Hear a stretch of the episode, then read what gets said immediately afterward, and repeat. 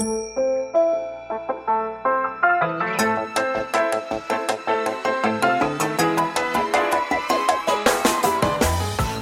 lieve luisteraars, welkom bij de Stories of Inspiration podcast van What's Your Story. De podcast waarin ik jou laat horen dat er achter ieder gezicht een inspiratiebron schuilt. En waarin ik jou heel veel tips ga geven over hoe jij meer naar buiten kunt treden met jouw authentieke verhaal. Heel veel plezier met luisteren en na afloop ben ik onwijs benieuwd wat je ervan vond. Stuur me een berichtje via Instagram als je wil reageren, als je vragen hebt of als je jouw verhaal ook zou willen delen. Veel plezier met luisteren!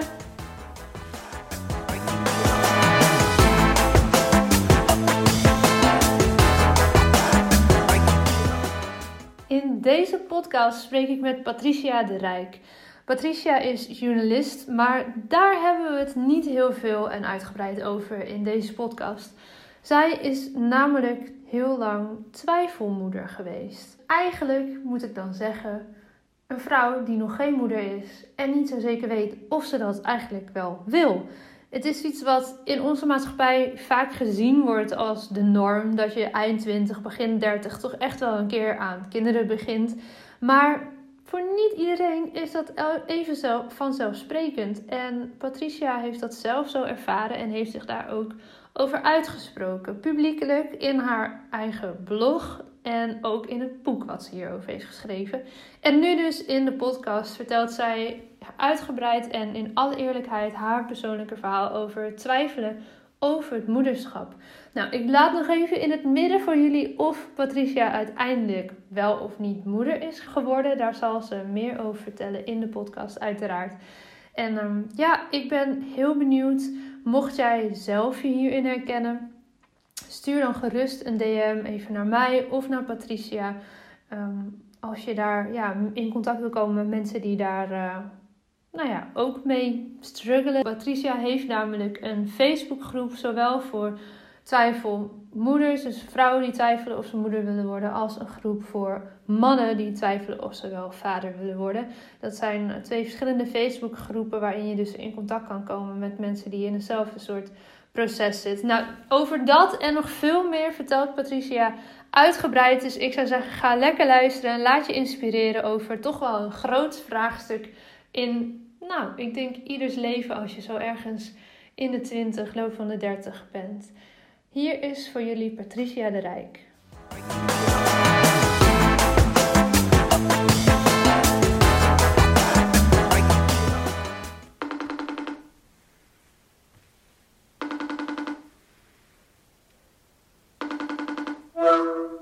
Patricia, welkom in de Stories of Inspiration podcast. Wat fijn dat je er bent. Dankjewel, ik vind het ook uh, leuk om erbij te zijn. Ja, echt. Ik ben heel benieuwd naar het gesprek met jou en heb er onwijs veel zin in. Um, voor wij helemaal erin gaan duiken in jouw verhaal en wie je bent en wat je doet, begin ik natuurlijk met mijn openingsvraag. Wie is jouw grootste inspiratiebron? Ja, dat, dat zijn toch wel mijn, uh, mijn moeder en mijn, uh, mijn oma. Twee uh, vrouwen die eigenlijk, ondanks dat het in hun generatie niet zo vanzelfsprekend is, dat je zegt dat je toch een andere keuze zou gaan maken wat, wat kinderen betreft, die gewoon altijd open en eerlijk zijn geweest, dat ze toch wel nu terugkijken en denken van hey, had ik geen andere keuze gemaakt als ik nu in deze tijd zou, zou leven waarin vrouwen eigenlijk alle, alle kansen uh, krijgen. Je kunt je nu uh, op het gebied van, van opleiding en uh, waar je vroeger ging, ging trouwen, kindjes kreeg en dan als vrouw thuis bleef, is dat nu heel, heel anders. En met hun verhalen hebben ze mij altijd geïnspireerd om voor mijn dromen te gaan. maar ook ja, te kijken naar, naar de keuzes die vanzelfsprekend lijkt. Zoals dat als je een aantal jaar getrouwd bent, dat je toch eens eh, gaat kijken of er geen kind moet komen. Nou ja, voor mhm. mij was dat nooit een vanzelfsprekendheid. Omdat ik dankzij hun heb uh, ja, geleerd dat er meer is. En dat je, daar, dat je dat ook vooral zelf moet, uh, moet opzoeken en ontdekken. Dat het jouw keuze is. En niet die van de maatschappij. Ja, mooi. En daarmee geef je denk ik ook al heel duidelijk aan waar we het over gaan hebben vandaag. Ehm, jij hebt mij een tijdje geleden een bericht gestuurd en zei van hé, hey, ik heb denk ik een onderwerp wat bespreekbaar gemaakt uh, mag worden in deze podcast, namelijk uh, de twijfelmoeder.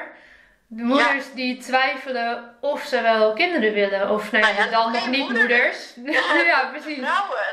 De, vrouwen. De vrouwen die die twijfelen of ze, of ze wel of geen, geen moeder willen, willen worden. En uh, waarvan sommigen uh, misschien zoiets hebben van: oh jee, waarom zeurt iedereen daarover aan mijn hoofd? Mm -hmm. of anderen die daar ja, in de privésfeer met, met hun partner bijvoorbeeld zich druk om maken. Nou ja, dat onderwerp mag wel eens, mag wel eens besproken worden. Ja, dat vind ik, ben ik helemaal mee eens. En ook super goed dat, uh, ja, daar rust denk ik toch nog wel een soort van ongemak. Ik wil niet zeggen misschien taboe, ja, misschien ook wel hoor. Maar nog wel heel veel ongemak op ja. die vraag aan vrouwen van eind 20, begin 30. Van, nou hè, eh, komt er een kindje en mag je die vraag stellen? Hoe kijk jij daar tegenaan? Um, ja, dat, dat is dubbel. Hè? Mag je hem stellen of, niet? Uh, als je hem stelt, uh, als je hem stelt in een, in een gesprek waar je, waar je gewoon privé goed met, met iemand bent en je hebt echt belangstelling, dan, dan kun je die vraag best stellen, maar geef dan ook iemand de ruimte om te zeggen: Goh, als je daar niet over wil hebben, is het voor mij ook uh, oké. Okay. En uh, als iemand dan een antwoord geeft wat misschien niet helemaal in jouw straatje ligt. En iemand zegt bijvoorbeeld, ja, uh, nou, ik weet het nog niet. Of, of die geeft gewoon aan, ja, nee, dat is echt niet, niet mijn ding. De, daar gaan we gewoon niet voor. Ik ga mijn leven anders invullen. ja, verstop dan je oordeel. En natuurlijk vindt iedereen daar wat van. En, en we hebben allemaal onze eigen achtergrond die ons, uh, die ons gevormd heeft, allemaal onze eigen uh, wensen. Maar ga die dan niet opdringen aan, uh, aan de ander. En wat ik veel ervaren heb, is dat als je dan zei: ja, ik twijfel, ik, ik weet echt niet of ik wil, of moederschap iets voor mij is. Dat ze dan meteen kwamen met: ja maar een kind krijgen, dat is echt het mooiste in uh, ter wereld. Nee, daar krijg je echt geen spijt van. Uh, of, of, dat ze zelfs gewoon zeiden van, ja, nee joh, uh, gewoon voor gaan. En ja, die twijfels, nou, als het kindje geboren is, dan, dan, weet je met, dan zijn ze gewoon gelijk weg. En op dat moment voelde ik mij juist totaal niet, niet gehoord. Nee. en en is, het, is het zelfs heel vervelend. Uh, anderzijds moet je natuurlijk ook uh, beseffen als je die vraag stelt, dat daar gewoon heel veel verdriet uh, achter schuil kan, kan gaan. Want voor hetzelfde geld wil iemand het wel heel graag, maar, maar lukt het niet. Of zou iemand dolgraag moeder willen worden, maar heeft de man van de dromen nog niet gevonden. En is ze zich aan de ene kant wel aan het verdiepen in, in, misschien om het moederschap alleen te gaan doen, maar voelt ze zich daar ook niet zo fijn bij. En denkt ze, ja, hè, eigenlijk wil ik een kind, maar dan alleen als dat ook met, uh, met een partner uh, is. En zo kun, uh, kan daar van alles achter, achter schuil gaan. dat was ja. mijn eigen situatie ook zo. Op een gegeven moment hadden wij het er thuis over. Mijn man wilde wel heel graag en ik twijfelde dus. ja, moeten we dan wel samen verder gaan? Uh, en ook daarin zijn wij uh, niet de enige die voor die keuze staan. Ik, ik, ken inmiddels ook vrouwen die, waardoor de relatie echt verbroken is, omdat de een wel graag wilde uh, en, en de partner niet. Ja, dan moet je ook een keuze maken. En dan is het wel heel vervelend als je thuis gesprekken hebt over het feit of je wel bij elkaar moet blijven of niet vanwege die droom. Mm -hmm. Dat iemand anders die kinderwens te sprake brengt. Yeah. Dus pas er wel, uh, wel mee op. Kijk, ik ben wel van mening dat als het gewoon met goede bedoelingen is en dat je gewoon open staat voor een goed gesprek, dat het, dat het kan. Want dan ja, worden mensen ook gehoord. Ja, ja want hoe ben jij daar dan met jouw partner mee omgegaan? Want je, je vertelt al even, je hebt getwijfeld of je wel moeder wilde worden. Ook best wel, ja. Uh, nou ja, het klinkt zo stom om te zeggen een lange tijd en dat is gelijk weer zo'n oordeel, maar hè je hebt daar gewoon een tijdje over getwijfeld in ieder geval. Ja. En, en neem ik aan ook gesprekken met jouw partner gehad die het dus blijkbaar wel heel graag wilde. Hoe ja. zijn jullie daar samen mee omgegaan en, en dus ook samen uitgekomen, begrijp ik goed? Ja, ja, ja, we zijn er samen uitgekomen en we zijn inderdaad nog steeds uh, samen, uh, alweer bijna 14 jaar. Dus dat is ook al, al lange tijd. Yeah. Um, nou, wij kennen elkaar al, we zijn bij elkaar vanaf dat we 22 en 23 zijn. Dus op het moment dat die eerste gesprekken daarover kwamen. Of dat mensen naar die kinderwens gingen uh, informeren was op het punt. Toen hadden we net een huis gekocht en daar waren een paar kamers over. Oh, ja, ja, ik, had hem, ik ben uh, zelfstandig ondernemer, uh, journalist. En ik had dus een van die kamers was ingericht als, als kantoor. Maar dan hebben mensen nog wel zoiets van, oh, zoveel kamer. Nou, dan moet er wel een kindje komen. En uh, op dat moment was het voor ons nog allebei zoiets. Je staat, staat aan het begin van je carrière dat je zegt van nee, ja, dat komt later wel. En uh, mijn man gaf wel al aan van ja, dat hij dat graag zou willen. En ik had zoiets van ja, dat komt later wel. Op dat moment nog niet zo beseffen. Hoe, hoe oud was je ongeveer toen? Even voor ja, beeld. Toen, toen, was ik 22, 23. Ja. Maar toen dacht ik, je kent al die verhalen. Uh, dan zeggen ze, ja, je eierstokken gaan, uh, ja. gaan wel rammelen. En, uh, dus ik dacht, ja, dat, dat gevoel komt ook wel, wel later. maar, en dus we gingen gewoon door en de volgende opmerkingen over toen er een grote stationcar kwam. Voor oh, ja. zwaar hoor. dat dat wel voor de kids zou zijn. Nou ja, nee, het is gewoon praktisch. En met Lies kun je zoiets nog eens doen. Ja. en zo rolden wij er al snel wel door en kwamen eigenlijk de eerste gesprekken pas daar echt over. Uh, toen, we, toen mijn man met het huwelijk had gevraagd. Toen had hij wel zoiets van ja, ik wil nu toch wel een antwoord. En ja, toen waren we 28, 29, uh, zoiets. Dus hij heeft jou wel eerst een huwelijk gevraagd en pas daarna is eigenlijk het gesprek uh, aan de orde gekomen. Ja, ja, we hadden het wel al over gehad, maar het was meer bij mij wel altijd zoiets van ja, ik denk dat het nog wel, uh, wel komt. Ja. Want, ja, op dat moment in onze omgeving had iedereen eigenlijk, kreeg langzaam kinderen en niemand die bewust kinderloos was in de omgeving. Wel heel veel mensen die moeite hadden om een kindje te krijgen. Dus dan, ja, dat, dan heb je ook niet het voorbeeld van dat, dat je ook echt bewust kinderloos kan blijven. Dus dat was bij mij niet zo, niet meteen dat dat heel helder was. Ja, en toen, dat zei van ja, ik zou toch wel echt willen weten voor dat we echt daadwerkelijk aan het altaar uh, staan. Toen dacht ik, oh ja, oké. Okay. Nee ja, ik, ik weet het echt niet. uh, hoe was dat voor jou? Want dat lijkt me best wel ingewikkeld in zo'n gesprek. Dat, je bent net een huwelijk gevraagd en dan komt er zo'n grote vraag van ja, eigenlijk wil ik wel weten voor ja, we daadwerkelijk trouwen of je kinderen wil. Ja, ik kwam wel iets na het aanzoek, dus ik heb wel eerst gewoon kunnen genieten van die, van die wolk waar je dan. Ja, nou ja, gelukkig. maar, uh, ja, nee, ik, ik, vond, ik begreep hem wel, want het was wel iets voor hem wat hij eigenlijk altijd al heeft gezegd dat, dat hij jongvader wilde worden. En ondertussen, ja, hobbelden we langzaam naar die 30 toe. Dus ja, van jong was ook geen sprake meer. En toen kon ik het uh, ja, wist ik het zelf niet goed. En heb ik gewoon gezegd, oké, dan ga ik gewoon onderzoeken uh, wat ik voel. En bij mij zat ondertussen ook wel al de frustratie uh, erg hoog dat iedereen er zich mee bemoeide. En, en dat mhm. ik echt ja, zo'n beetje van Jan en Alleman de opmerkingen over kreeg. En dat was natuurlijk ook wel de reden, dat kreeg mijn man ook, dus dan ga je het er meer over, over hebben. En toen zei ik, ja, dan ga ik het onderzoeken. En uh, toen ben ik er, uh, ja, dat is dan weer als je het gaat trouwen met een journalist, dan weet je dat ze erover kan gaan, uh, gaan schrijven. Dat was jouw manier van onderzoeken ook eigenlijk? Dat was mijn manier van, van onderzoeken. Dan zei ik, ja, dan ga, dan ga ik mijn gevoelens delen. Dan, dan ga ik beschrijven uh, hoe het voor mij is om die opmerkingen te krijgen.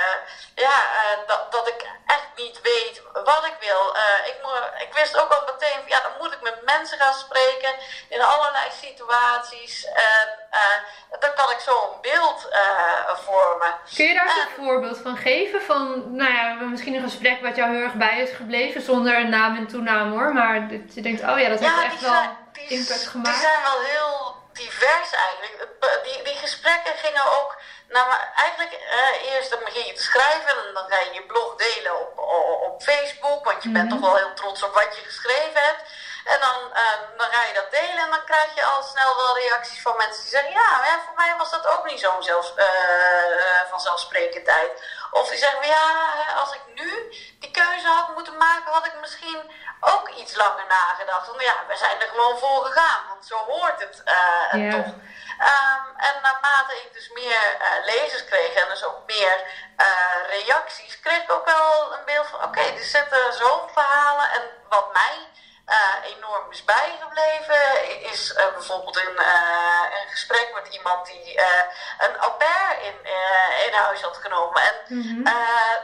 Oké, okay, zo kun je het dus ook oplossen. Hè? Als je zegt van je wil wel carrière blijven maken, nou, dan zou je dat zo kunnen, kunnen En, en wat, wat, want de eerste vraag die dan in, in mij op zou komen, even lekker oordelend en met alle voordelen, vooroordelen erin. Van, ja, maar wat vinden de mensen in je omgeving daar dan wel niet van? Weet je wel, van, ja. maar dan heb je dus een kind mogen krijgen, laten we wel wezen. Ja, en dan ja, vervolgens ga je die maar ten dele zelf opvoeden. Dat is ook zo'n maatschappelijk afkeurend stemmetje wat dan gelijk ja, klopt. Maar die ga je altijd, die stemmetjes, die ga je altijd krijgen. Dat heb ik ondertussen wel uh, ontdekt. Als jouw mening ook maar iets afwijkt ja, van het, uh, het standaardbeeld wat mensen hebben, ja. dan, dan, ga je daar opmerkingen over krijgen. En je zult het nooit uh, goed doen. En ik vond het juist wel heel mooi om, om te horen hoe ze dat ja. aanpakten. Maar ook een gesprek bijvoorbeeld met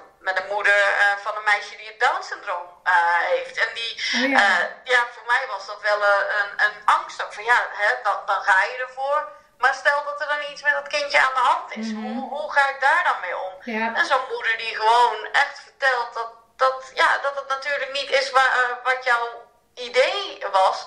Maar dat ze hartstikke gelukkig met de dochter is. En er niet, er over na moet denken dat, dat ze toch voor had besloten om die, die zwangerschap af te breken. En zo had ik ook, eh, ik besloot in een, in een gekke buiten ook dat, eh, tijdens mijn hele proces dat het wel goed zou zijn om de Vierdaagse van Nijmegen te wandelen. Want dan zou ik toch uh, vier dagen, 40 kilometer lang alleen met mijn gedachten uh, zijn. En dan kon ik goed nadenken. Oh, wat vreselijk! Dat was mijn idee. en toen dacht ik ook, ja, wacht, laat ik dan maar met een t-shirt lopen, twijfelmoeder op de rug, want dan krijg ik misschien ook nog wel gesprekken. En, oh ja, wat goed. Daar zijn wel hele mooie gesprekken uit voortgekomen. Ik kwam uh, bijvoorbeeld een, een, lerares tegen en die zei: Ja, nee, ik, ik heb echt geen kinderwens. Ik zie op school zoveel schrijnende mm. uh, situaties. Uh, Nee, ik, ik sta liever klaar voor de kinderen die er al zijn, dan dat ik zelf uh, ook nog een kindje aan deze wereld uh, denk. Oh, oké, okay, wauw. Ja. Die had het dan over kinderen die zonder eten naar school worden gebracht, die duidelijk dagen niet gedoucht zijn. Ehm, ja, heel heftig. Aan de andere kant sprak een moeder me aan en die zei: Ja ik, heb, uh, ik vind mijn eigen kinderen geweldig, maar kinderen van een ander, ik moet er niet van weten.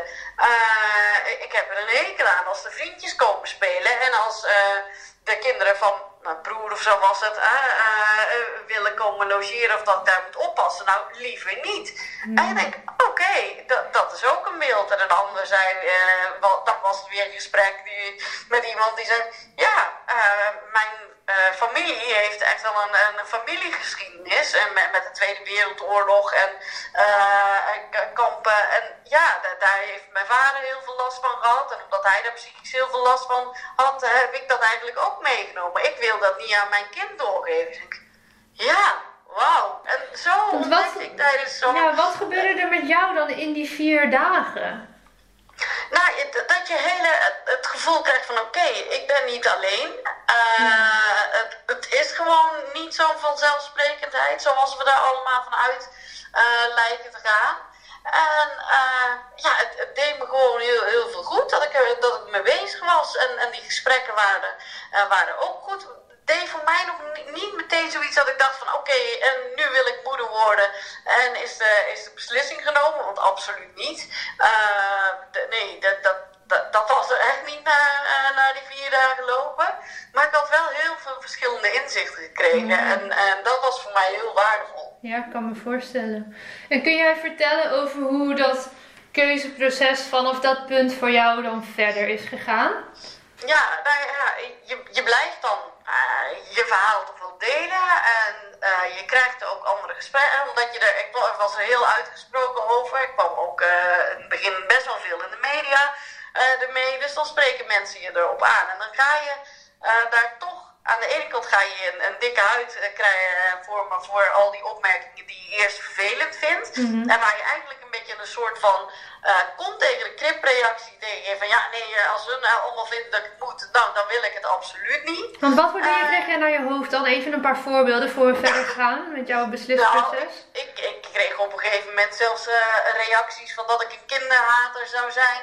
Uh, omdat ik dus twijfelde en uh, zoiets had van ja, wat, moet ik met van die, van die knutselwerkjes die je dan krijgt? Ja, het zal hartstikke leuk zijn, maar ja, ik zit daar nog niet op, uh, op te wachten. Um, tot aan ja, dat, dat ze echt, dat de uitspraak kwam dat ik een, een gek wijf was. Dat met mijn man toch eigenlijk, ja, dat was toch wel raar dat hij bij mij bleef. Ja, dat, dat, was wel heftig. Tot aan ja. ja. de standaard die je altijd hoort van ja, nee, je moet niet twijfelen, het is het leukste wat er is. Uh, noem maar op. En dan is het mooie als je het erover hebt en dan zeggen uh, dat groepje waarbij ik zat, ja, het is echt zo mooi en daar krijg je geen spijt van. En even later ga ik in een ander gesprek uh, aan diezelfde tafel en hoor ik de moeders met elkaar verder kletsen over ja, het is toch wel zwaar. ik heb weer vannacht niet geslapen denk ik, oké, maar wees nou eerlijk tegen mij. Zeg dat je het geweldig mooi vindt. Maar benoem ook die, uh, wat het moeilijk maakt en waar je, uh, wanneer je het ook wel eens lastig hebt. Want daar had ik juist uh, ja. behoefte aan. Ik wilde een eerlijk beeld krijgen van het moederschap. En ik had het idee dat ik alleen maar roze wolkverhalen zag. Waardoor ik bij mezelf een beeld vormde van, oh, dat kon alleen maar tegenvallen. En ja, ja, ja, ik weet niet wat je krijgt. Ja. Maar hoe het bij mij uh, zich verder ontwikkelde, is dat ik wel eerst dacht ik van nou nee, ik, ik wil het echt niet. En, uh, of uh, nu nog niet. eerst carrière is belangrijk, ik wil reizen. En toen zijn we ook, ook echt op reis gegaan. We hebben een trip door, van vijf weken door onder andere Nieuw-Zeeland gemaakt. En we zijn een, een jaar, een negen maanden later naar Australië uh, gegaan. En tijdens die reizen kon ik al dat werk uh, meer laten liggen. Want ja, ik zat aan de andere kant van de wereld, mm -hmm. dus ik kon op dat moment ja. niks doen. Dus dat hele carrière. Uh, elementje, dat kon ook wel al een beetje wegvallen. Want ik zag ook dat ze na, na die reizen kwamen klanten toch wel weer terug.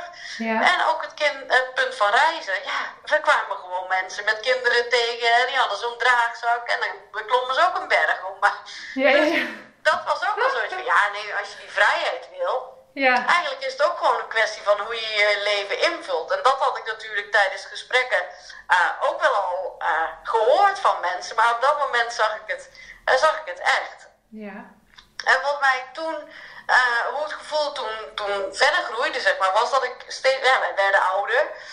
dus we kregen ook steeds meer mensen in onze omgeving die er echt wel mee bezig waren en die ook moeite hadden om een kindje te krijgen en dat heel graag wilden. Toen dacht ik, oké, okay, ja, het is ook nog niet eens een vanzelfsprekendheid. Hè? Ik kan straks ja, wel zeggen ja, van oké, okay, nou vier, vier jaar getwijfeld, ik ga ervoor en dan wil ik dat het binnen negen maanden uh, gedaan is. Ja, nee, ja dat, zo werkt het helaas ook zo. niet. Nee. dus dat, dat was voor mij ook al een, een eye-opener. Van oké, okay, wacht het, het, kan dus als het niet zo moet zijn. En ik, ik voelde me ook gewoon echt geen moeder. Ik had niet die uh, klapperende eierstokken. Nee. dat, dat, had ik niet. Als ik een babytje uh, tijdens een kraambezoek vast had. Ja, dan ben ik de juiste vrouw die, waarbij ze dat hoofdje een paar keer goed moeten hebben. ja, ja, ja. mag geven. Dat ze zeggen, ja, nee, dat is niet goed. je moet zo gaan zitten. Oh, ja, dat bevordert het proces natuurlijk ook niet helemaal. Nee, nee. Maar is er bij jou dan echt een soort van beslismoment of keerpunt of zo geweest? Of is dat meer een beetje nee, gegroeid? Het is meer een soort groeiproces waarbij ik steeds meer vinkjes, zeg maar, steeds meer dingetjes kon, kon afvinken. Ja, afvinken is misschien ook het verkeerde woord, maar waarbij je steeds meer of zo? Van, hey, daar heb ik weinig invloed op. Of hey, dat, dat, is, dat noem ik nou maar op, maar dat is meer uh, om, om het, ja, dat beslismoment verder van me af te duwen. En toen was het op een gegeven moment zoiets dat ik dacht van ja, maar hallo. En ik had ook gezegd tegen mijn man, op mijn 33ste wil ik een beslissing hebben genomen. Dan ben jij 34. Als ik het dan echt niet wil, dan kunnen we nog besluiten van gaan we, uh, blijven we samen uh, of niet. Maar dan ben jij ook nog jong genoeg om iemand nieuws te vinden waarmee je uh, wel die droom kan verwezenlijken. En toen was op een gegeven moment gewoon ook dat gevoel van ja, oké, als ik iets echt niet wil, dan doe ik het ook echt niet. Dus als jij zegt van ja, Patricia, ik wil, uh, ik wil met jou gaan, uh, gaan opzeilen. Nou, als ik dat echt niet wil, dan, dan krijg je mij zover uh, niet. nee. ik ga ook niet in een, in een achtbaan bijvoorbeeld als... ja, daar hou ik dan wel van. Maar als iemand echt zegt van ja, dat moet jij doen. Nou, dan zou ik dat ook echt niet niet doen. Hè? Dus en lust ik iets niet, dan zou ik het ook echt niet eten omdat het netjes is. Nee, want ik lust het niet. Dus ik denk, ja, ik ben altijd heel standvastig. Kijk, als ik het echt niet zou willen, ja, dan zou je het niet dan doen. Zou ik het nee, dat is denk ik ook heel krachtig en heel goed. Zeker bij zo'n ingrijpende beslissing als het wel of niet krijgen van een kind. Um, maar als we dan een kleine fast forward maken, want jij vertelde net al even, je partner, je vriend en jij zijn nog steeds samen. Uh, kan ik daar dan de conclusie uittrekken dat jullie inmiddels een kindje hebben? Ja, ja. Uh, inmiddels uh, is onze kleine man uh, ja, 3,5. Die wordt in maart alweer 4. Dus dan beginnen we alweer aan een heel nieuwe fase. Ja. Ehm, ja, en dat is een heel ander leven. Maar uh, ja, ik denk, uh, voor mij is dit nu de keuze geweest. Maar ik, maar ik had ook mezelf best wel voor kunnen stellen dat ik, dat ik geen kind had uh, gehad. Denk ik, ja, dat is, het, het, is voor mij geen goed of fout. Nee. Of ook niet goed gekomen. Hè? Toen ik uh, dan het nieuws vertelde, waar ik ook echt wel aan moest wennen. En, uh, dus ik heb ook pas met uh, meer dan twintig weken echt groots wereldkundig gemaakt dat, dat ik zwanger was. Mm -hmm. Daarvoor was het echt alleen maar in, in intieme kring. Ja, toen had ik ook echt zoiets van, oh ja, oh, het is goed gekomen. Nee, het is niet goed gekomen. Het is nee. gewoon de beslissing die we, die we genomen hebben. En, en dit past. En het is fijn dat het, dat het zo mag zijn dat moet je nooit vergeten. Nee, en hoe, hoe heb jij het ervaren dan, heel die zwangerschap? En misschien zelfs nog wel die periode daarvoor, dat je besluit samen van nou, we gaan ervoor, we gaan kijken of het ons lukt, of het ons gegeven is. Ja. Hoe was dat dan? Want dat is wel echt een soort nieuwe fase die je dan instapt samen, lijkt me. Ja, ja daar heb ik uh, aan de ene kant het geluk gehad dat het heel snel uh, raak was. Dus ik heb niet uh, heel erg dat besef gehad van poeh, weer een maand dat het niet gelukt is. Dat hoor ik, ik. Ik heb naast Twijfelmoeder nu een Facebookgroep voor vrouwen die twijfelen. Twijfelen over kinderwens. En daar hoor ik wel van, van vrouwen die dan de knoop door hebben gehakt. En waarvoor het na een paar maanden nog niet raak is. Dat ze wel zoiets hebben van oké. Okay, uh, bij mij zit het gevoel nou ook van wanneer komt het, van, wanneer is het zover. Uh, dat had ik niet, want het was bij ons uh, zo snel raak dat ik ja, tijdens de eerste echo nog wel een soort van in shock was dat het, dat het überhaupt yeah. gelukt, gelukt was. Maar op de verloskundige, ja, ik, ik huilde niet en ik ben, ben niet heel overduidelijk blij geweest, waarschijnlijk tijdens dat moment waarop de uh, verloskundige ook echt ja mevrouw de Rijk, is het wel gewenst? Ja. Toen dacht ik, oh, oké. Okay. Uh, maar dat geeft ook wel aan dat in die, in die wereld uh, er ook altijd maar vanuit wordt gegaan van, ah, je, je bent Hosanna blij. Of het is, het is een ongelukje en het is, het is ongewenst en dus je, ja, dan, dan reageer je zo. Maar er is ook een, een tussenweg. Dat, dat is mijn, je kunt twijfelen. En als je daar dan die beslissing neemt en het is zover, dan moet je echt wel eventjes aan dat idee uh, wennen. Want ja, tot dat moment dat dat zover is, is er eigenlijk nog steeds geen beslissing genomen. Op het moment dat je dat hartje hoort kloppen, is het wel heel definitief. Ja, want hoe was het dan dat zij die vraag stelde? Hoe kwam die bij jou binnen? Uh, ja, ik ben daar nog steeds wel, uh, wel aardig over. Dat ik me ja, een soort van aangevallen voel, misschien wel. Uh, ja, ik heb wel echt zoiets van die bewustwording bij, bij ook verloskundigen over dat je kan twijfelen en dat je dan echt anders dat die hele zwangerschap doorloopt. Uh, ja, dat is ook wel een puntje waar ik me ook hard voor, uh, uh, voor maak. Ja. ik, ik heb het namelijk meer ervaren tijdens. Ik zat gewoon niet op zo'n roze wolk. Ik ging er gewoon heel nuchter doorheen. En ja, ook met, met meubels kiezen en weet ik het wat. Ja, dat deden wij gewoon een beetje op het laatste moment voor, voor die winkel hun gevoel. Maar ik had ook zoiets, ja, dat kan, hè, dat kan eerst nog heel veel misgaan. En we wilden 20 weken echt wel, echt wel afwachten of alles goed was. Ja. Want ook als het niet goed zou geweest zijn, hadden we de zwangerschap afgebroken. Dat, daar waren we wel uh, allebei het, uh, het over eens. Ja, dan ga je ook niet meteen naar al die winkels. Dus wel ook zoiets, oké, ja, wat is de gemiddelde leeftijd? Oké, een week of zes.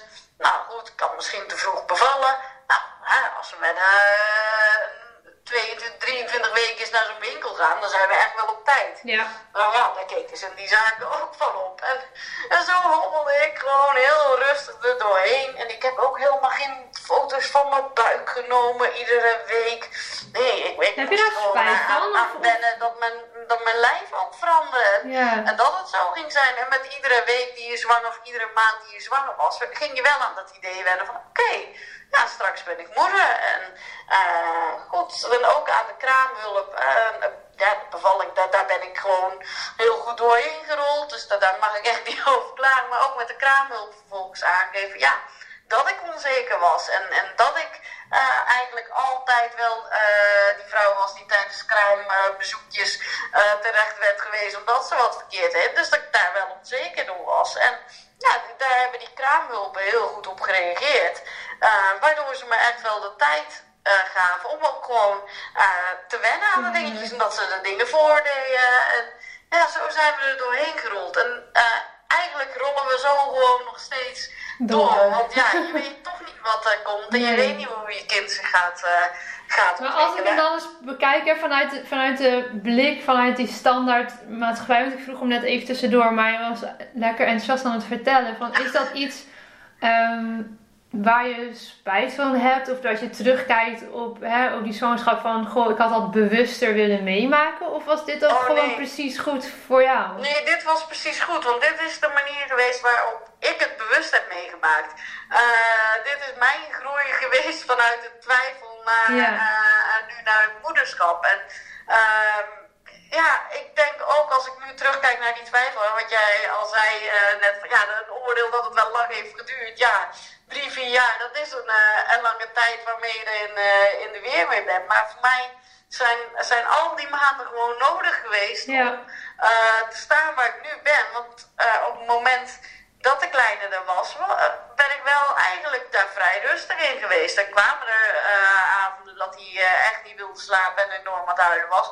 Dan bleef ik ook rustig. En ik denk, ja, vier jaar geleden, uh, inmiddels nu acht jaar, dan had ik die rust helemaal nog niet gehad. Nee, dus mooi hoe je dat Ik had gewoon die groei nodig als persoon. En ik denk uh, dat je wat dat betreft ook gewoon geen leeftijd aan kan plakken wanneer iemand er klaar voor, uh, voor is. En ja, als je nu kijkt, een paar cijfers even bijpakken. We worden ook gewoon steeds ouder voor het eerst moeder. Het komt natuurlijk ook gewoon omdat veel vrouwen studeren en daarna ook gewoon een kans op de arbeidsmarkt pakken. En ik denk ook dat dat goed is. dus ja, we moeten ook toch al niet aan, aan vrouwen van, van midden twintig gaan vragen hoe het met een kinderwens zit. Want gemiddeld krijgen Nederlandse vrouwen een mhm. eerste kind pas als ze 30 zijn. Ja, dus, ja, dat is wel echt veranderd in de jaren. Ja, ja. ja en het is overal. Want het is niet alleen in, in Nederland. Je ziet ook gewoon in, in heel Europa zie je eigenlijk die stijging. En in Italië en Spanje zijn vrouwen gewoon uh, nog ouder. Die zijn 31 en een beetje als ze de eerste uh, krijgen. Dus het is helemaal niet zo gek, maar op de een of andere manier zit het bij mensen toch tussen hun oren. Ja, ja, ja. ja, rond. Uh, Ook wel een generatie dingetje, denk ik, dat dat, uh, dat verschuift natuurlijk. Ja. Hey, en hoe is het dan voor jou um, nu bevallen? Je bent nu dus nou, ruim drie jaar, bijna vier jaar moeder. Hoe, hoe is het? Uh, ja, um, ik heb me daarin mijn weg uh, gevonden, waarbij ik wel uh, bewust heb gekozen dat ik nog steeds fulltime werk. Dus ja, mijn kind is veel bij, bij de opvang. opa's en oma's helpen daar ook goed in mee. En de dagen, in het weekend en de, de avonden, maar ook de ochtenden, hebben we gewoon ja, als gezin heel bewuste tijd met, met elkaar. En ja, we hebben natuurlijk de corona-crisis uh, gehad, of we zitten er nog middenin. Maar goed, voor mij was de crisis vooral toen de kinderdagopvang uh, mm sloot voor niet-essentiële beroepen. En ik opeens van fulltime werkende moeder fulltime thuismoeder was. En ja, op dat moment besefte ik wel dat ik gewoon de keuzes heb gemaakt die bij mij passen. Ik heb er bewust voor gekozen om toch fulltime te blijven werken, omdat dat mij gelukkig maakt en ik gewoon dan een, een leukere moeder ben. En uh, ja, op het moment dat ik fulltime thuis uh, zat, had ik dat ook echt. Ja, ik had heel erg die behoefte wel aan momenten voor mezelf. Ik kon ook wel ontzettend ervan genieten van de dingen die je dan uh, die je samen doet. Maar ja, het is wel heftig. dus ehm, ja, en, en, verder heb ik wel echt het idee dat het heel goed, goed gaat. En dat het ook wel ook leuk is om te zien hoe natuurlijk zo'n kleine uh, ook echt wel de eigenschappen van jezelf heeft en ook die van je partner. En, ook de eigenschappen waar je zelf niet altijd even blij mee uh, bent, die kunnen zich ook verder ontwikkelen. Uh, maar dat is wel heel, heel mooi. maar ik snap, ja, ik zeg, ik snap nog steeds heel goed als je zegt van nou ja, ik ga daar niet voor. ja, mis je dat? Nou ja, je weet natuurlijk ook nooit wat je mist als je iets nee, dat is ook. Uh, niet hebt. En ik denk ook echt dat je uh, uit andere zaken ook heel veel voldoening kan, uh, kan halen. Dus het is ook niet zo dat ik super veel voldoening er dan uit haal als dan een goede moeder ben of zo. Nee, je haalt het uit verschillende dingen allemaal in het leven, denk ik. En dat is een stukje het moederschap, dat is een stukje uh, je carrière, dat is een stukje wat je maatschappelijk uh, doet in mijn geval. En, en dat zijn allemaal verschillende facetten die mij vormen en waardoor ik gelukkig in het leven sta. Uh, maar ja, maar ik, ja, ik vind het wel, het is wel heel bijzonder om het te mogen ervaren. Dus al met al, moraal van dit verhaal, conclusie, was het een goede keuze om er toch voor te gaan? Voor jou? Ja, het is zeker een goede, goede keuze geweest. Maar uh, wat voor mij altijd, uh, wat misschien nog wel het belangrijkste is uh, om aan mensen mee te geven, blijf vooral bij je eigen gevoel. Ja. Doe het niet omdat de maatschappij het van je verlangt. Omdat je die druk bijvoorbeeld voelt vanuit je, vanuit je ouders of schoonouders. Hè? Want wat jij net al zei, het is ook wel een generatie ding. En je moet ook niet beseffen, wij zijn heel erg op groeit allemaal met het feit dat je aan de pil kan. En dat er allemaal tal van uh, voorbehoedsmiddelen zijn en, en methodes die we uh, kunnen uh, doen tot appjes aan, aan toe. Ja, ja, dat is wel echt anders. Ja, 60, 60 jaar geleden had je, kwam de pil pas. En was het echt niet zo logisch dat die meteen werd, werd voorgeschreven en dus gebruikt. Dus je moet ook niet vergeten dat we daarin eigenlijk nog in een hele transitie uh, zijn. Waarbij wij, denk ik, de, de, eerste vrouwen echt zijn die heel erg bewust een keuze kunnen, uh, kunnen maken. Ja. En dan, dan nog moet je, ja, is het ook lastig om te zeggen van ik doe het niet of ik twijfel.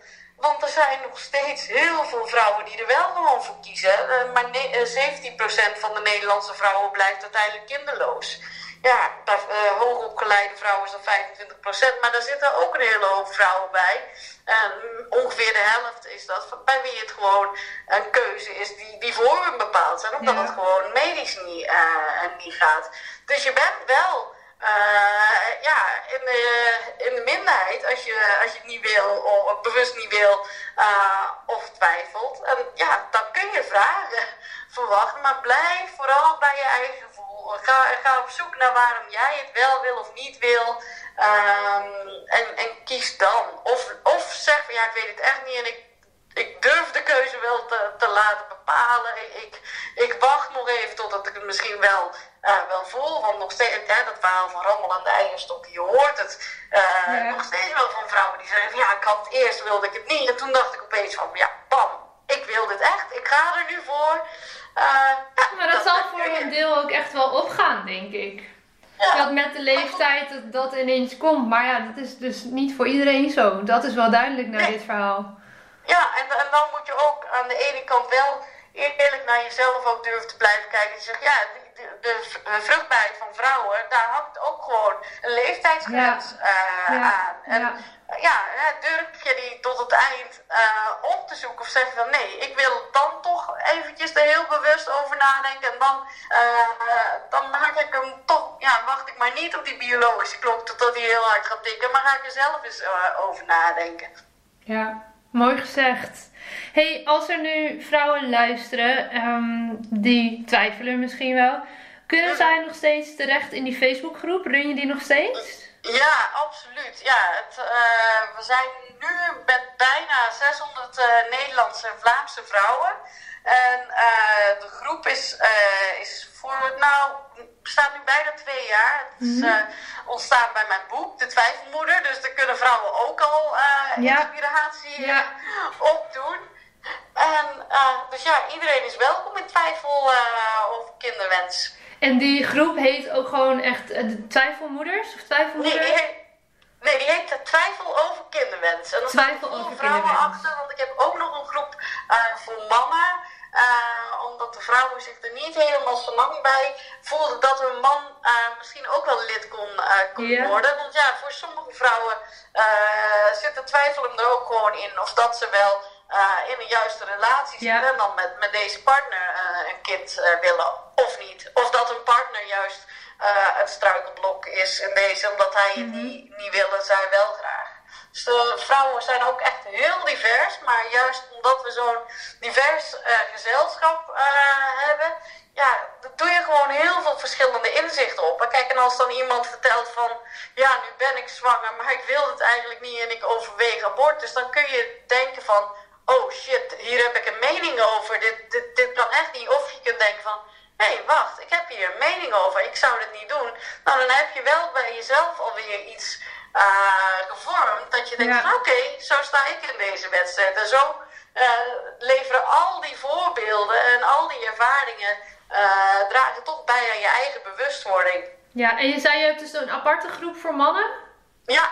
En hoe heet die? Waar kunnen de mannen terecht? Ja, de mannen kunnen over, terecht bij twijfel over kinderwens voor mannen. Voor mannen. ja. Patricia, dankjewel voor jouw verhaal en dat je dit zo open en eerlijk vertelt en deelt met ons. Ik vind het onwijs inspirerend eh, en goed dat er ook eens nou ja, over dit stuk van het al dan niet moeder worden gesproken wordt. Dankjewel. Jij bedankt dat je er aandacht aan geeft. Ja, bedankt voor, eh, voor dit prachtige gesprek. En voor iedereen die luistert en die dus eh, nou, zich misschien herkent hierin of meer wil weten, zoek contact met Patricia of ga naar de groep Twijfel over kinderwens. Of Twijfel over kinderwens voor vaders, voor mannen. Sorry, ik moet het wel goed zeggen. Ja, ja vader zei ze. Nee, dat zei ze natuurlijk nog niet. Nou, dan eindigen we dit gesprek met dezelfde verspreking als waarmee ik hem begon. Eh, volgens mij is die rond. Dankjewel. Dankjewel. Ja, dat was hem weer voor deze keer. Dankjewel voor het luisteren en ik hoop dat je hebt genoten van deze podcast.